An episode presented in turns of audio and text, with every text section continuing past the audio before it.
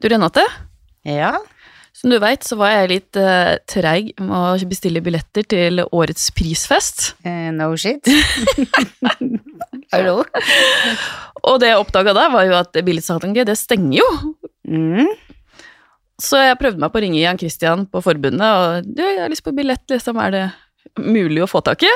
Så bare, han skulle liksom sjekke det opp, da. Og så hørte jeg aldri noe. Tenkte, ja, ja, da har jo det toget gått. Da ble det ikke noe prisfest på meg. Altså, men NM var jo på, selvfølgelig. Mm. Og så snakka jeg med folk og sa at nei, jeg har bestilt for seint, og kjipt å ikke få dra, og sånt. Men så møtte jeg Tina fra Hairpart. så hun, hun bare Nei, hva, skal ikke det? Du lovte at vi skulle danse sammen. mm. Så jeg bare ja, nei, sånn blei det jo ikke, da. Så bare nei, det fant ikke hun seg i. Så hun tok med meg bort til Jan Christian. Jeg så ham borti i fjerne og tenkte bare ååå, skal jeg virkelig gå bort og spørre? Det, det syns jeg var skikkelig gøy. Så hun dro meg bort og snakka med Jan Christian og sa det at ja, han Marit og vil og hun må få være med og så videre. Så ser jeg Jan Christian driver og blar i bunken sin, og så fikk jeg søren meg en billett. Ja. Er ikke det vilt? Det er helt vilt. Jeg blei så glad. Altså, helt vilt at han gikk med billetter i veska. Ja, det òg! Å, shit! Jeg ble helt sånn ah, shaky.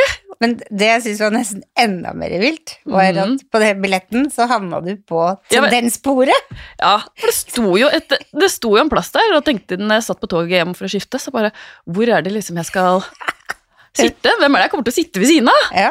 Og gikk jo liksom, Du forsvant jo og gikk bortenfor det. Så så jeg liksom eh, Joiko sto og vinka. Hei, det er vi! Og så sitter jeg ved siden av dem. ja, det er helt sykt. Ja, Alt gikk min vei den dagen der. Men den billetten var jo ment til deg. Det må Ja. jo være det. Ja, det må jo ha vært det. Ja. Ja, Så da bør du takke Tina, egentlig. ja definitivt. Takker Tina veldig, veldig, veldig, og NFB. Ja. Tusen, tusen takk. Og jeg kjenner konklusjonen her er bestill tidlig nok neste år. No to yourself. Oh yes. Jeg, jeg kjenner at det er kanskje noe jeg må sparke deg til å gjøre neste år. Ja, det tror jeg kanskje det.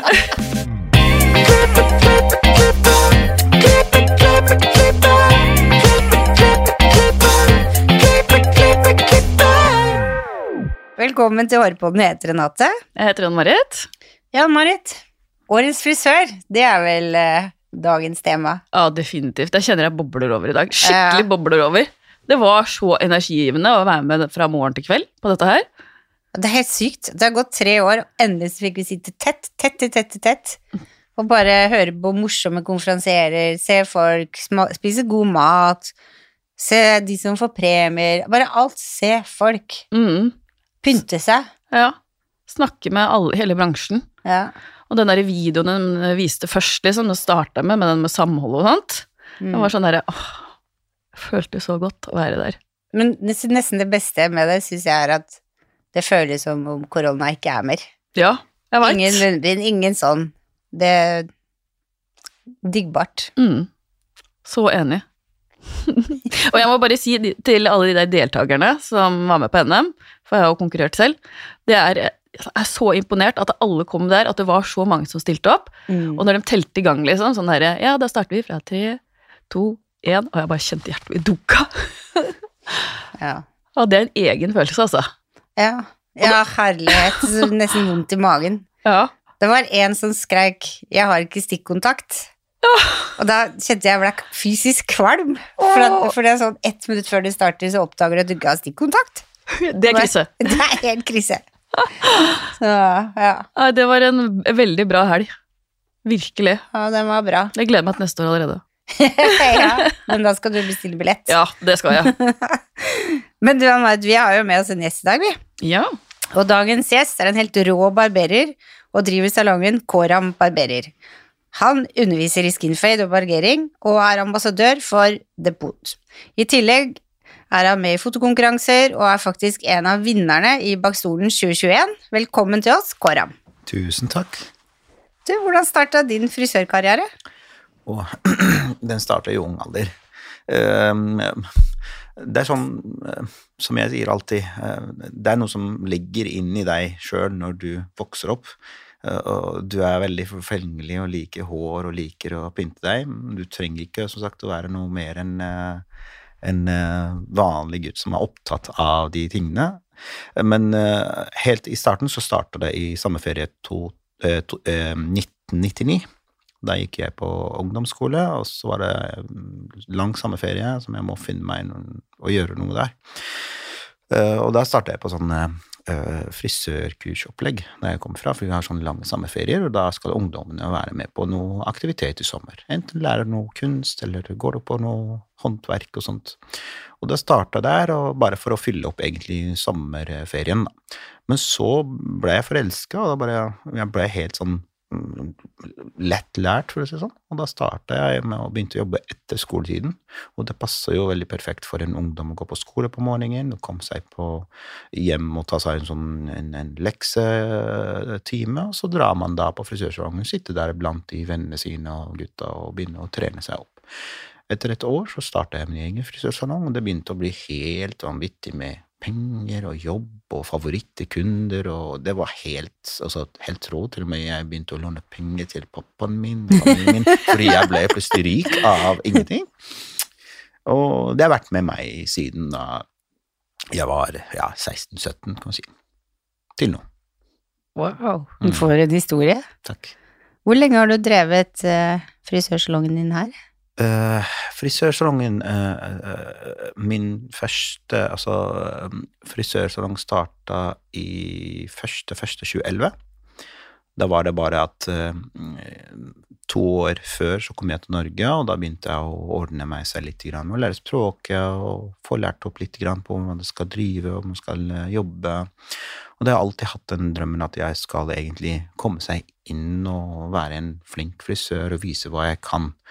Og takket være de salongene som avviste meg da at uh, jeg ikke fikk jobb fordi jeg er ikke uh, norsk faglært frisør, på en måte, uh, så måtte jeg enten gå på og repetere på nytt hele og gå på skole to år, og så tar du to års lærling, eller så går du den korteste veien og starter for deg sjøl og viser at du virkelig kan dette her. Jeg har jo fagbrev, men den ble jo av en eller annen grunn ikke godkjent her så starta jeg da på en liten, bitte liten salong som var 30 kvadratmeter på Holmlia senter i Oslo. Kjøpte et par brukte stoler fra finn.no og to hyller fra Ikea og bare satte i gang. Og siden det så begynte jeg å vokse opp og vokse opp til jeg da fikk ansatte og kom meg enda mer videre. Og nå er vi en frisørsalong med seks ansatte. Jobber sammen og koser oss og har en bra feedback fra våre kunder. da. Så ja. Så du tok fagbrevet med å starte din egen salong? Eh, nei, jeg, som sagt, jeg tok jo det korteste veien, fordi fagbrevet hadde jeg fra der jeg kom fra. For jeg har fortsatt på ungdomsskole og så videre ungdomsskole, da kan du ta en sånn yrkesskole, da. Jeg gikk på kunstlinje, og jeg har et fagbrev derfra. Men det, når du kommer fra et land som jeg kom fra, så er det ikke så lett å godkjenne de uh, papirene derfra hit. Men det var ikke noe krav for å, få, for å starte en bedrift her og ha det bakbrevet, så da la jeg den bare bak meg. Jeg tenkte bare ok, jeg har den, og jeg kan det yrket her. Og jeg kan vise deg at jeg er god på det. Uh, så jeg har aldri hatt mulighet til å gjøre det. For det, det, sånne ting er jo litt sånn Jeg jobber sammen med ei som har fagbrev fra Amsterdam, eller Mm. Nederland, Mm. og hun må ta på nytt her. Ja, det er dessverre sånn det er i, i, i stort sett i alle land hvor du kommer fra. Mm. Stort sett på sånne yrkesskoler, da. Og det er jo sånn Altså, det er ingen krav for at du skal starte egentlig en frisørbedrift. Det syns jeg er litt synd, men, men det er som det er i systemet. Og så pluss at jeg kan jo det fra før. Så der mangler jeg bare språket, og det lærte jeg veldig fort. Og mangler jeg hvordan man skal drive her, for det er litt annerledes å drive her og drive der. Man må være litt sånn 20% regnskapsfører, 10 eh, skatteekspert, ikke sant, og Mm. alt annet, i tillegg til at du er frisør, da. Eh, Men det gikk jo veldig fort, og da lærer man selvfølgelig så lenge man driver. Eh, Og så lenge har jeg holdt meg oppdatert på mange kurs og mange småreiser s- her og der for å få litt mer eh, inspirasjon og opplæring. Men selve norskfagprøven har jeg aldri hatt det, og jeg eh, vurderer virkelig å ta det. Men du holder jo kurs òg. Ja, det er det, da. Ja. Eh, Når jeg eh, snakket sist med opplæringskontoret, fordi jeg var jo hos eh, Oslo frisørskole og holdt kurs, så spurte jeg eh, eh, læreren der du, hvordan er det egentlig å ta fagprøven her, fordi jeg har ikke det. Bare, har du ikke det?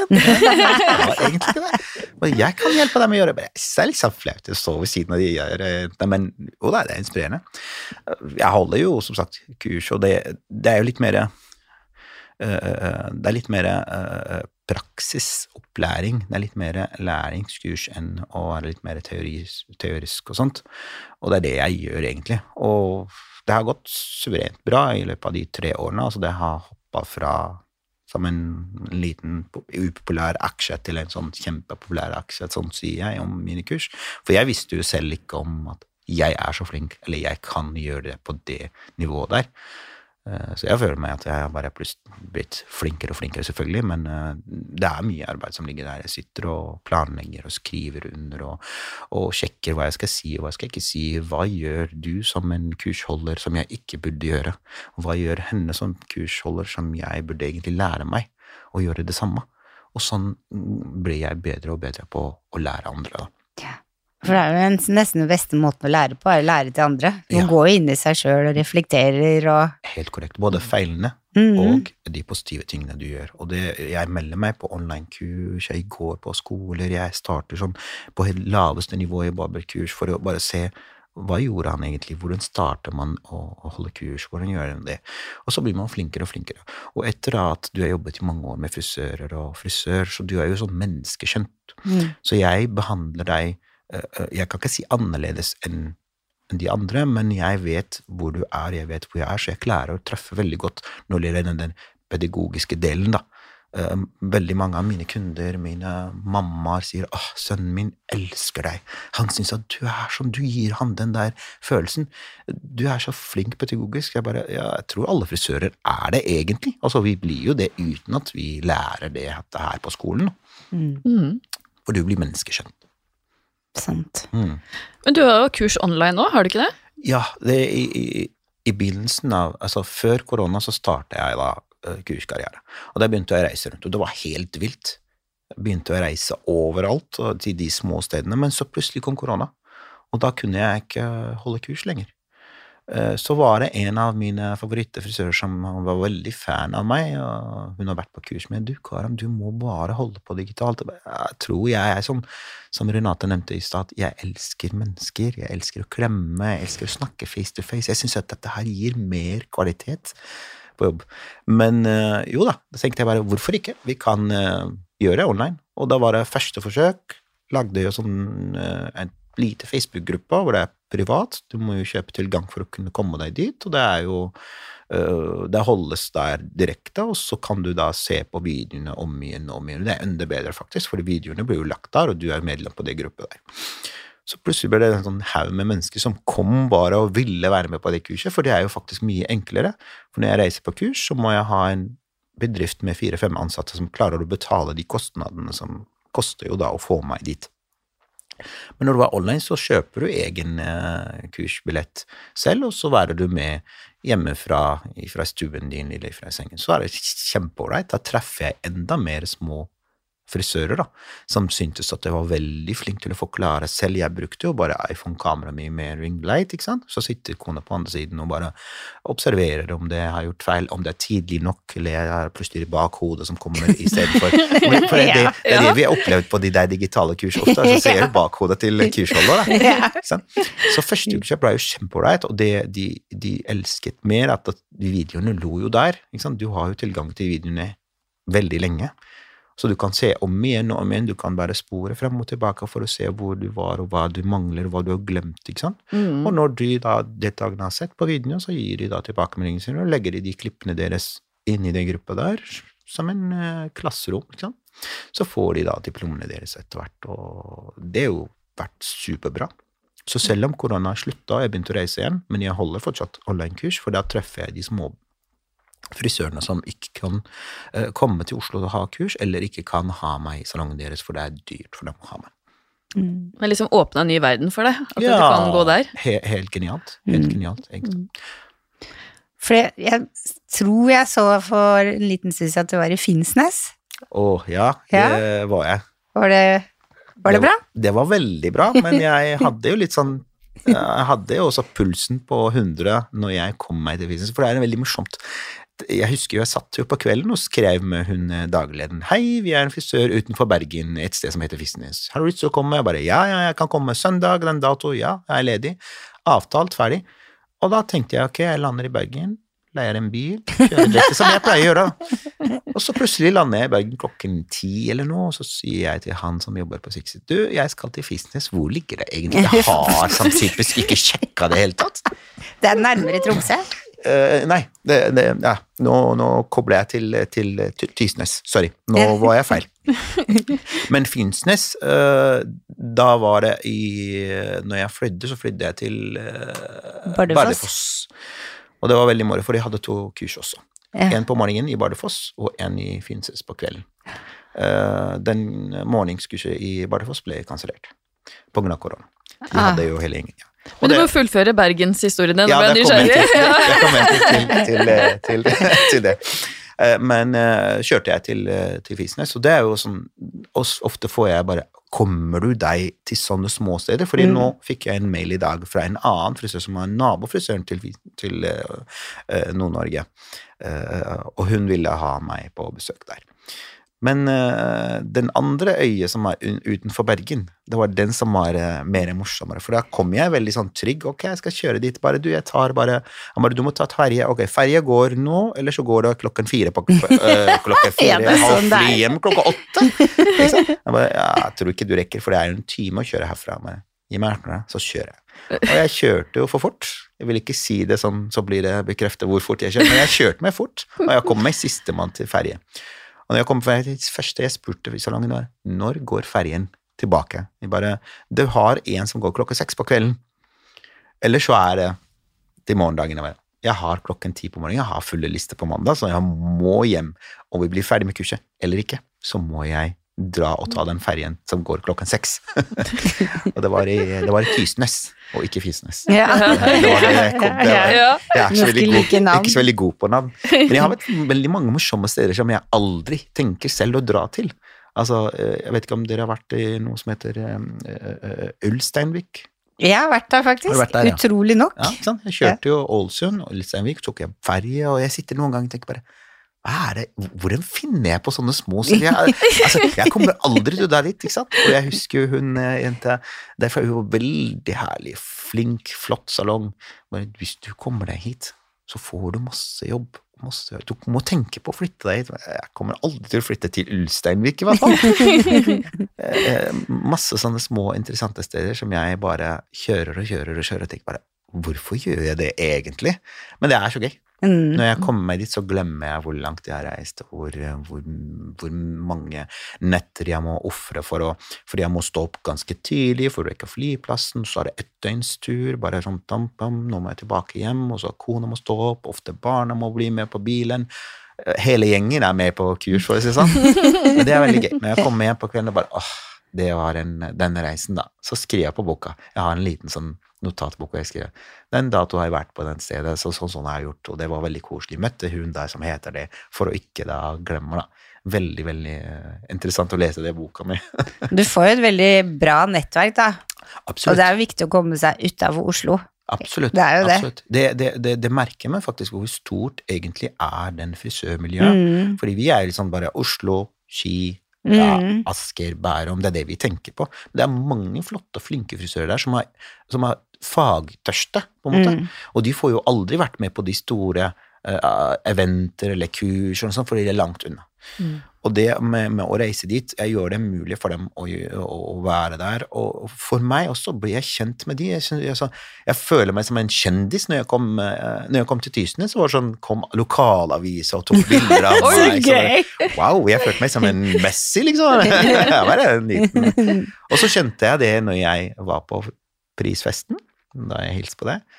Jeg tror jeg satt meg 10-15 minutter ved siden av mine kolleger og min kone. Ellers så brukte jeg hele festen ut på pauserommet, eller på røykerommet, da. Ja.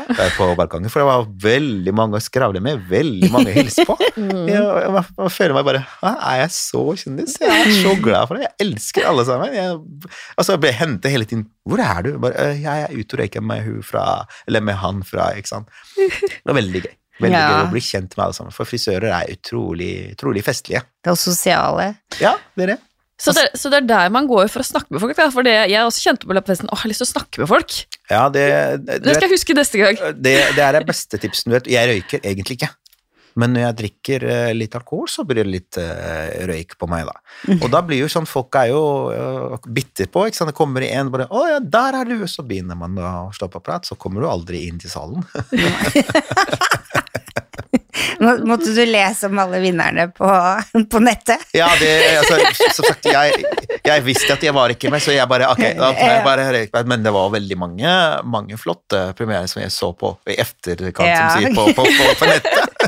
Da har du fått mest utbytte av festen, for det viktigste er nesten å mingle, altså. Ja, altså, Etter så lang tid, så er det det. det var veldig gøy å feste, det Ja. sier jeg. Altså, det var så mange flotte mennesker som var skikkelig på festnivå der. Mm. Og selv mine kolleger, de var eh, Vi, vi har jo ikke hatt samling. Vi har jo hatt sånn mini-juleborder inn i salongen, sånn, men vi har ikke hatt så bra fest med pynta jenter som går med meg, og vi koser oss. Vi elsker jo å gjøre det. Vi pleier jo å reise rundt og sånt, men det har vært korona, vært sånn kjedelig. Jobb, hjem, jobb. Var redd av alt, ikke sant. Mm. Og når det endelig vi kan klemme folk, vi kan hilse på folk, og spesielt som sagt På så stor fest så var det nesten 700 stykk. eh, Ja. Det, var så, det tror jeg er det største antallet de har hatt eh, så langt. Mm. Mm. Så det var gøy, da. Ja. Enig. Dagene har jo gått veldig ett. Absolutt. Liksom, eneste dagen i uka jeg har vært 100% sikker på, har vært fredagen, og det er fordi da lager samboeren min taco. Ja, ikke sant? Resten av uka har alt helt likt. Men det har jo vært det. Ja, det, det blir jo sånn med, med de rutinene vi har hatt, og den, den, den der angsten du har å møte folk og være der, og kanskje det er feil å møte, men jeg dropper det. Sånn. Mm. Så det var veldig gøy å få så stor fest på slutten, da. Mm. Vi sånn trenger det krydderet. Er ja, ikke sant? Det er nesten en, en, en belønning for at vi har vært veldig flinke, tenker jeg. Mm. Mm. Ja, det var bra sagt. Absolutt. Mm. absolutt. Du, når du klipper herrer og driver med skjegg og barbering, hva er det viktigste å tenke på? Altså, for, for, for alle frisører, det viktigste å tenke på er jo den kunden du, som sitter hos deg, ikke sant? Og jeg sier alltid, herre er jo altså, like forfengelige som damer. Det eneste er at de må ha en egen måte å, å, å, å være forfengelige på, ikke sant?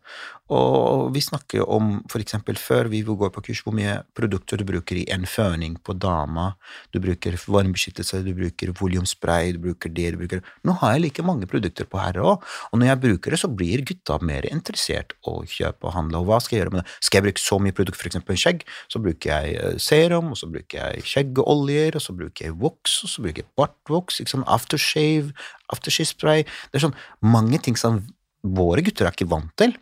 Og det er det jeg tenker på når han sitter, så tenker jeg han liker det. Det er ingen her som sier vet hva, jeg vil bare klippe meg og gå ut. Og det beste jeg vet om når folk forteller meg når jeg klipper han og skravler så mye, og så har vi skravlet nok, nå er det skjeggdealen, da, eller skjeggdelen, så er det bare å legge han tilbake, slenge en håndkle over øh, øynene, og da er de på fly-modus. Sovemodusen. Da blir det bare sånn Ligger og slapper av, du ser at bare den haka begynner å ramle nedover og så begynner gutta å snorke noen ganger, fordi de koser seg. Ja. Og du vet, du sa jo det, vi har jo et veldig stressende liv. Spesielt jeg, eller alle mener det, men når jeg kommer hjem, så syns hun at jeg liker bare å ligge der, for jeg har gjort dagens arbeid mitt. Nå vil jeg bare slappe av, for jeg fortjener det. Og det syns jeg gut, de gutta når de sitter hos meg, de fortjener den kosen når jeg legger det håndkleet der, og så etter en halvtimes tid, så er jeg bare Tada, nå er vi ferdig. Jeg bare Å nei, det var så digg å ligge, for det er rolig. Vi snakker ingenting. Jeg har sånn eget hjørne på, i salongen. Det er sånn kjemperolig musikk, kjemperolig stemning. Og jeg skravler ikke et ord. Jeg sier ikke et ord over hodet til kunden min. Han slapper av, og jeg gir han den følelsen han trenger. Og tro meg, etter hvert så begynte jeg å kjenne at faktisk, her er kanskje mer behov for sånne ting. Fordi damene er jo ofte på det, men herre gjør det sjelden. Men Mm. når de er der, så skal de da ha det. Deretter, så når jeg steiler, jeg har gjort det før, og jeg spør alltid du, kan jeg bruke litt steiling på det. Nei, det går så bra, jeg skal på jobb. Men jeg, kan jeg bare gjøre det, for jeg føler meg bedre når du går herfra, så er det sånn pent gjort av meg at du får forlater salongen sånn. Gjort et par ganger, så begynner de da å bli interesserte og spør meg du fiksa håret mitt veldig fint siste gang, jeg får ikke det til hjemme. Ja, så klart får det ikke til, men jeg kan lære deg et par triks som du kan få det til. På den måten så du, du, du, du, gjør han ikke forfengelig, han er jo det, men du finner den rette veien å gå og treffe de fine sidene av han, så begynner han å pynte seg på håret, kjøpe produkter, ikke minst føler seg at han skal til frisøren. Han skal ikke bare til frisøren for å bli kort på håret, eller fjerne hår. Han skal til frisøren for å pynte seg. Og da har mine gutter gjort det oftere. Jeg har gutter som bestiller timer en gang i uka for skjegg, og, og en gang hver uke eller hver tredje uke for hår og skjegg. Og det er ganske så overraskende for en, en herrekunde som klipper seg 17. mai, jul ikke sant? Det er det de pleier å gjøre, så de kommer inn med den haug med, med, med, med, hår, og så sitter jeg bare og bare klipper meg kort. Nå begynner gutta å bli det. Sammen med barn. Når de kommer hit I går hadde jeg den um, ungen som jeg tok bilder av. Uh, han skulle på trening, og mamma var med. ikke sant? Og bare, uh, 'Du, jeg har ingen kunde etterpå. Kan jeg leke litt med håret ditt, så tar vi bilder, du og jeg?' Og sånt. Han bare 'Ja!' En ung på tolv år. ikke sant? Det er jo ja. kjempestort for de gutta.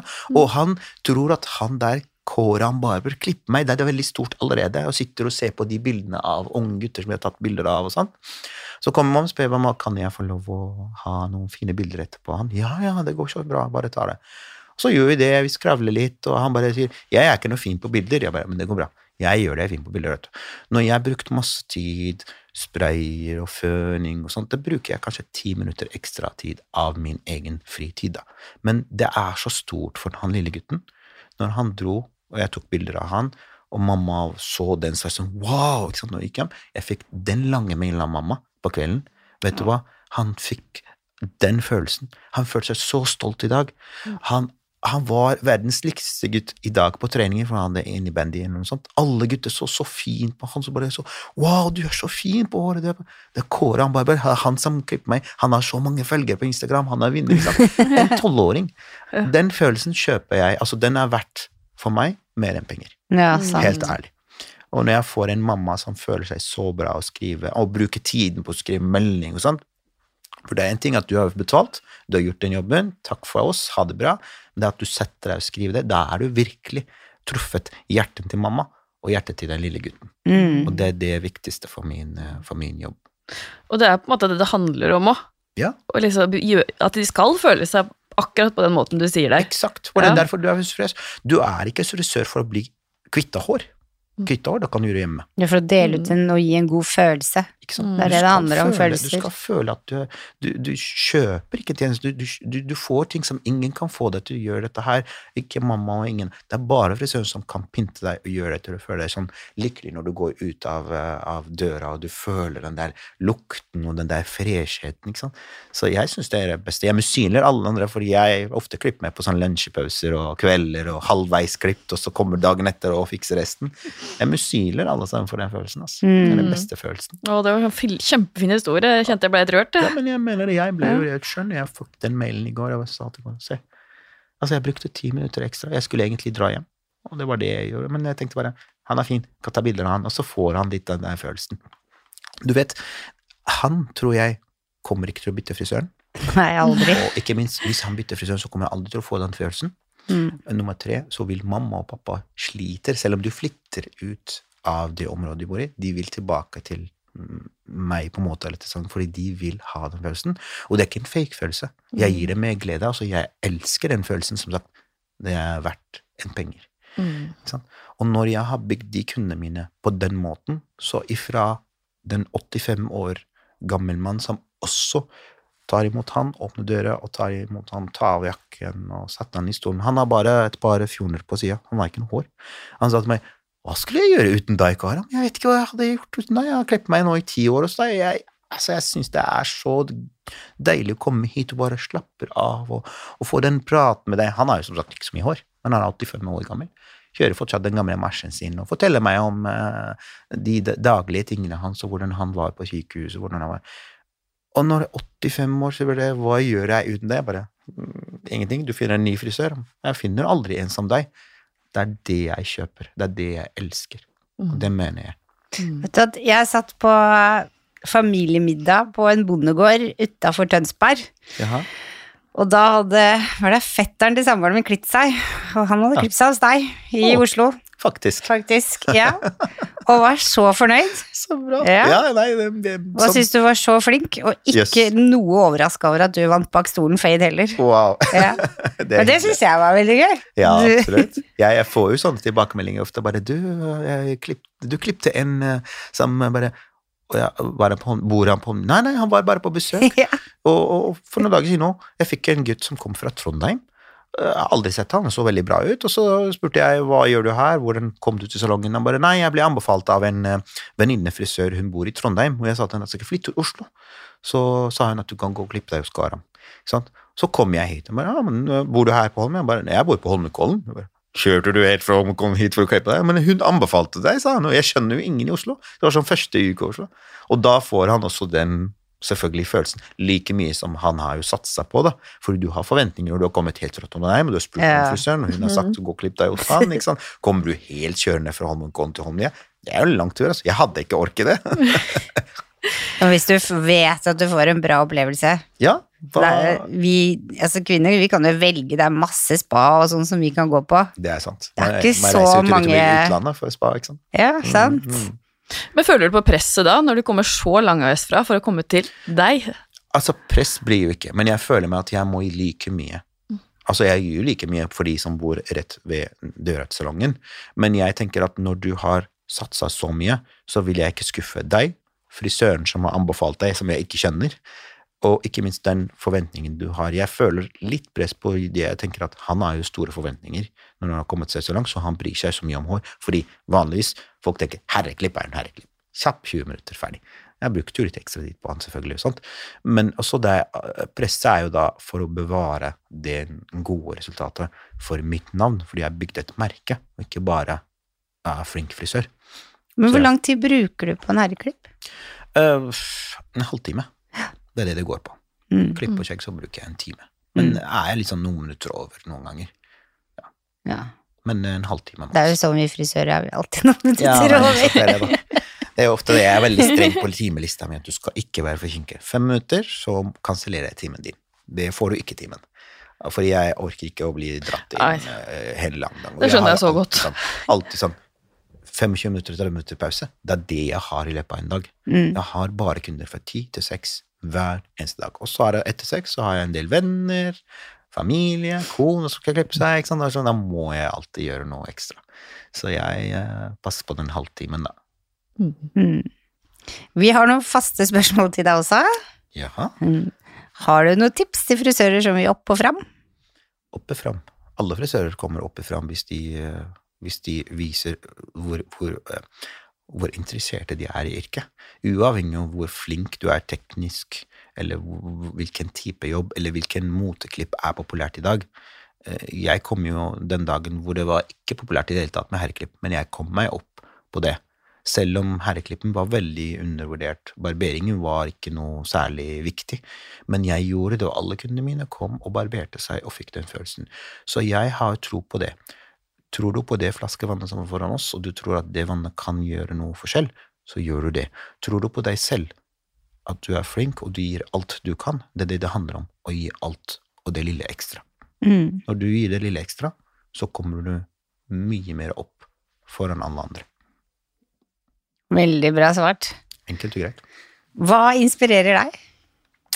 Uh, alle flinke eh, frisører i hele verden. Jeg følger, tror jeg, hele verden. Og min Instagram stopper ikke av videoer av barberere og herreklipninger og sånt. Men det er en del favorittfrisører som inspirerer meg.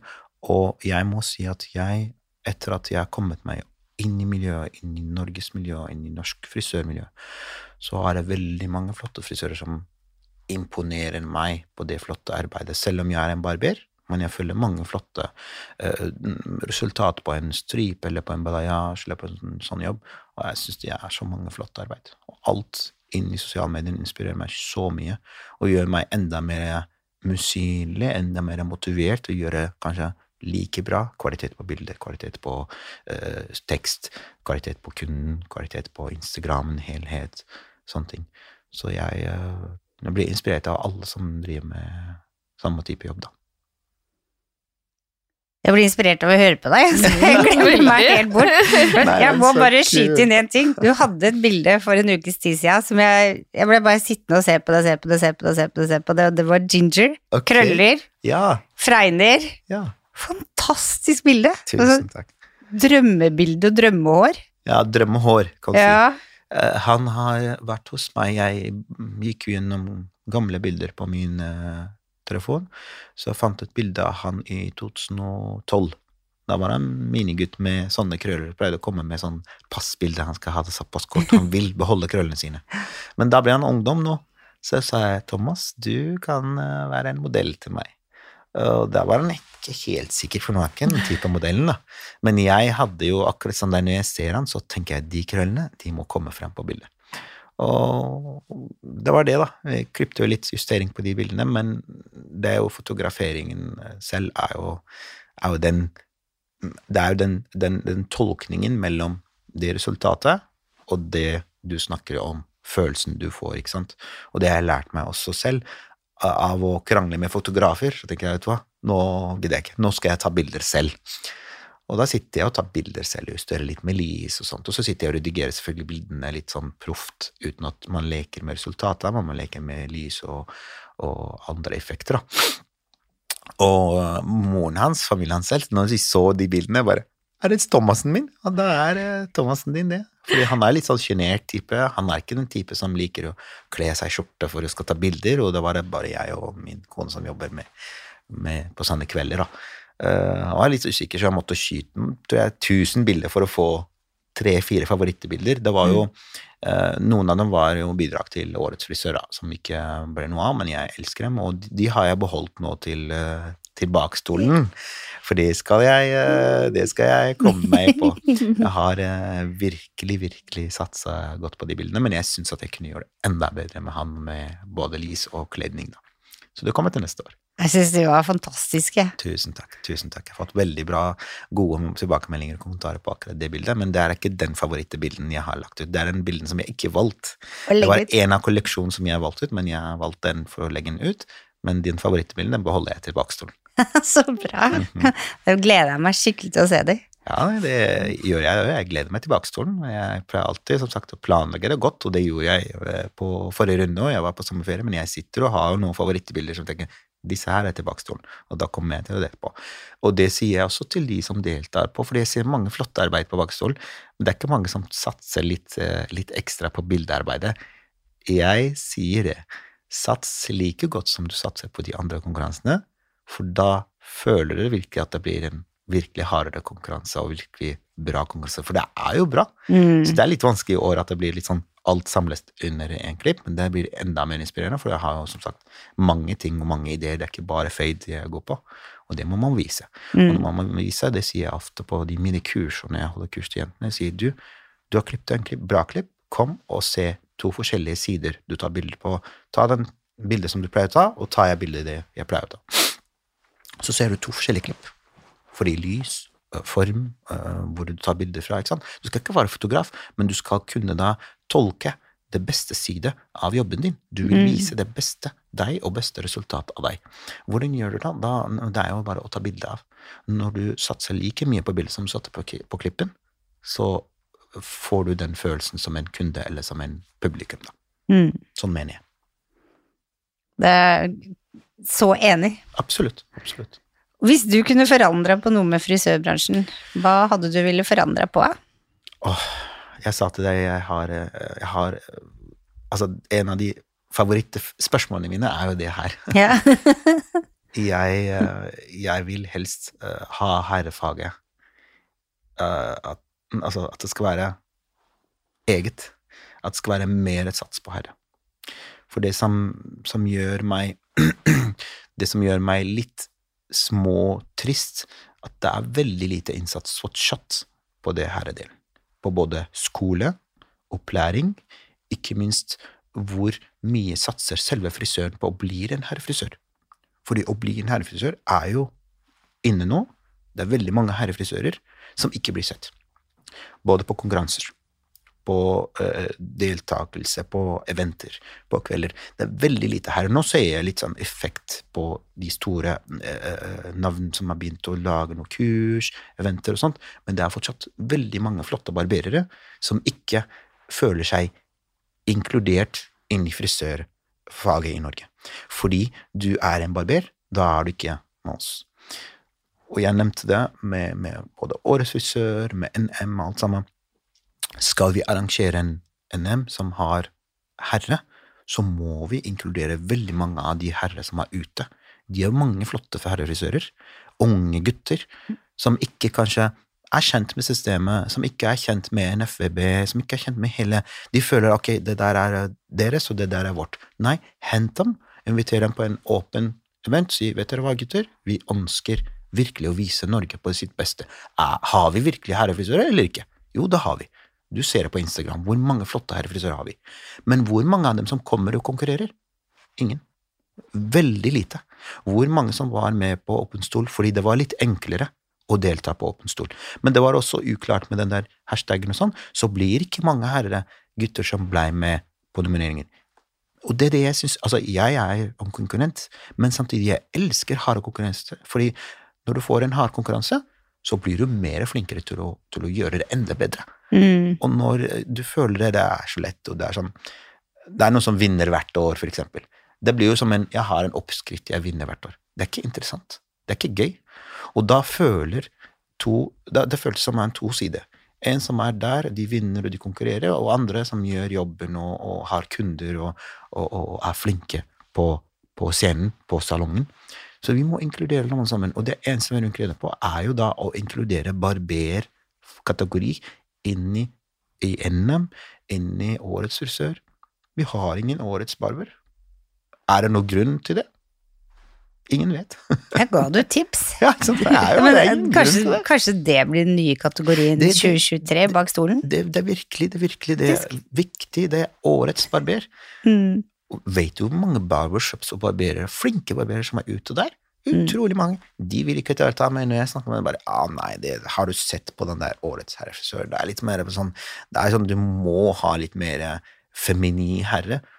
Barberere er jo flinke på sine egne måter, selvfølgelig. Den andre delen er jo veldig fint. Veldig fashion. Veldig populært. Men det er veldig få kunder som vil se sånn ut når du kaller dem herrekunder. Da. Sånn før det.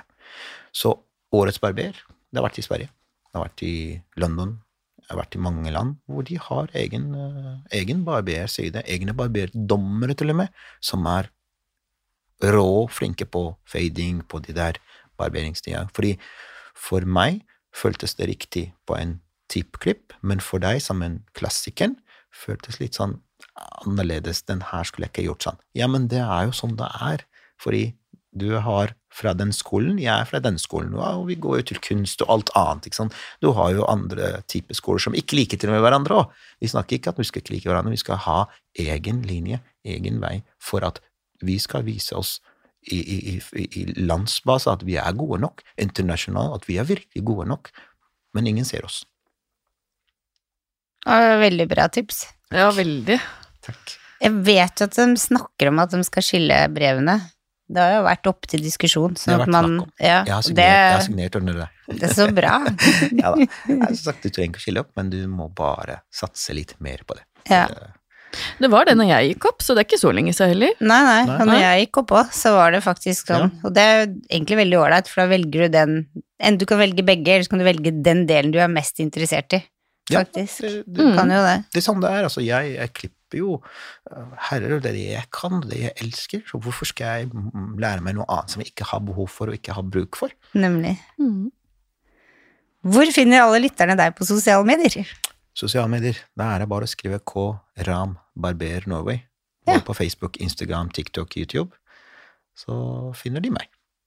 Og da er jeg veldig aktiv der. takk. tusen, tusen takk for at du kom og var gjest, Karam. Takk i like måte. Takk at jeg fikk lov til å være her. Og gi oss gjerne stjerne på iTunes, og følg oss på Instagram, Harpoden og på Facebook, Hårpodden. Og følg gjerne Karam. Takk. Så høres vi neste uke. Ha det bra. Ha det.